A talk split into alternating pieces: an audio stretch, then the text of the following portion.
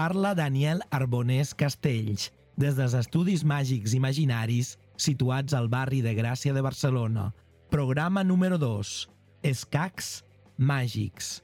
Estàs escoltant Els Secrets, el podcast amb esperit radiofònic sobre l'art de l'il·lusionisme. La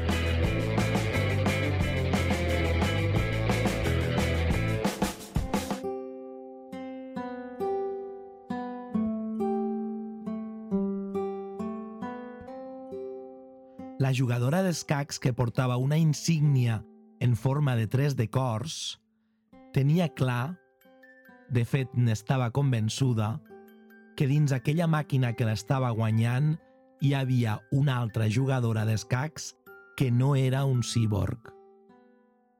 Ja feia temps que en aquell nou món es feien tornejos entre éssers humans i màquines. Màquines molt sofisticades, dotades d'intel·ligència artificial d'última generació. Una intel·ligència artificial que a vegades era molt difícil de diferenciar de la intel·ligència natural. Misteriosament, aquell dia, els moviments de la màquina s'avançaven sempre a les intencions de la jugadora d'escacs.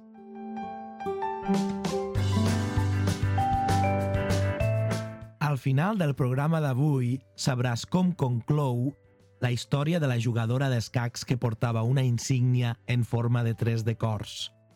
A cada capítol dels secrets descobriràs un relat inèdit, un petit conte de la meva creació inspirat en la iconografia màgica.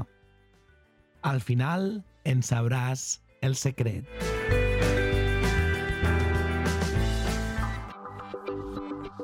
Sabies? Sabies que al segle XIX existia un autòmat que jugava als escacs i que guanyava als humans? Els autòmats eren els precursors dels robots actuals, popularitzats al cinema per la ciència-ficció. Els autòmats també participaven en espectacles de màgia, com els de l'il·lusionista Robert Houdin, però això seria una altra història. L'autòmat en qüestió era anomenat el turc mecànic. Va ser construït per Wolfgang von Kempele, conseller de la cort de Viena i jugador d'escacs aficionat, que acostumava a jugar amb l'emperadriu Maria Teresa d'Àustria. El turc mecànic era un maniquí amb túnica i turbant, sobre una cabina amb unes portes que mostraven un mecanisme de rellotgeria. Kempele, el seu creador, va mostrar el turc mecànic per primer cop l'any 1770, a la cort de l'emperatriu Maria Teresa d'Àustria. Va fer gires per Europa i Amèrica, on realitzava exhibicions, fent jugar l'autòmat i guanyant a molts jugadors experts, inclòs caps d'estats com Napoleó o Benjamin Franklin. La màquina va resultar ser falsa. Era una estafa, no era un autèntic autòmat hagués estat un prodigi, per aquella època, que una màquina jugués sola als escacs. El secret era que dins hi havia una persona, un jugador d'escacs que gràcies a un altre tauler amagat a l'interior tenia constància de les jugades al taulell visible. D'aquesta manera, podia seguir el desenvolupament del joc i accionar un mecanisme per reproduir-les i jugar també a l'exterior. El seu inventor, Kempele, va morir l'any 1804. A partir d'aquell moment, l'autòmat fals va passar per moltes mans. Finalment, l'any 1854, 85 anys després de la seva construcció, l'autòmat va ser destruït en un incendi. Un secret molt ben guardat.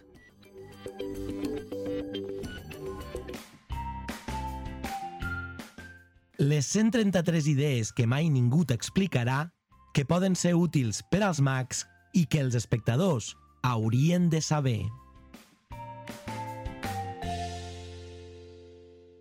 Idea número 46. Siguis humil, siguis bona persona. Ja va essent hora que el món de la faràndula tingui ètica. Ja va essent hora que la frivolitat es quedi a l'escenari i que fora d'ell el comportament sigui com a persones. Sigui exemplar. No s'hi val que amb la excusa de ser artistes ens prenguem la llicència de ser desagradables amb els altres. com per exemple amb els que treballen amb nosaltres. I això és el que penso. Idea número 22. No t'oblidis mai que és l'art de fer feliç al públic.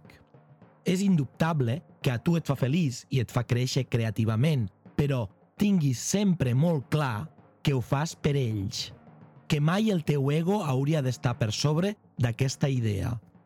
Ho fas pel teu públic. I això és el que penso. Idea número 11. No copiïs la màgia, els jocs o els guions de ningú. No copiïs, perquè sí, els jocs que interpretin els teus companys mags. Adapta'ls a la teva personalitat. En tot cas, demana permís als creadors o a qui l'interpreta. Recerca el joc pel teu compte. No siguis mimètic. Tinguis personalitat. Tindràs personalitat si treballes la teva màgia i la teva creativitat. I això és el que penso.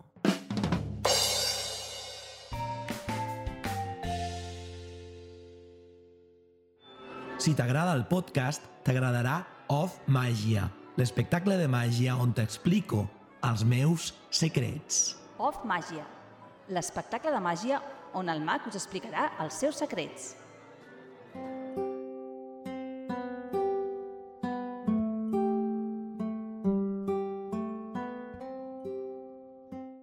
Misteriosament, aquell dia, els moviments de la màquina s'avançaven sempre a les intencions de la jugadora d'escacs.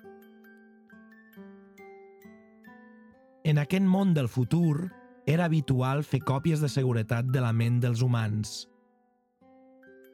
La jugadora d'escacs, que portava una insígnia en forma de tres de cors, tenia tarifa plana.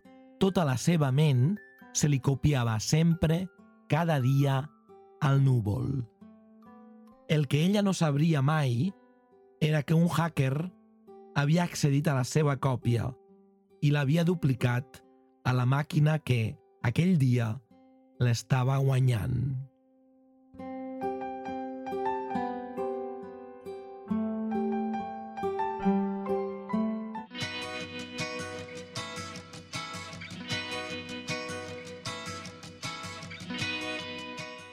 Moltes gràcies per escoltar l'episodi 2 de Els Secrets. No t'oblidis de mirar el meu programa sobre l'art de l'il·lusionisme, l'objectiu màgic, a YouTube i de llegir el diari d'un mag accedint a màgia.cat.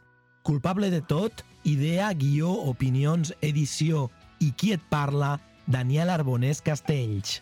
Siguis molt feliç, bona màgia i molt aviat ens retrobarem aquí on t'explicaré els meus secrets.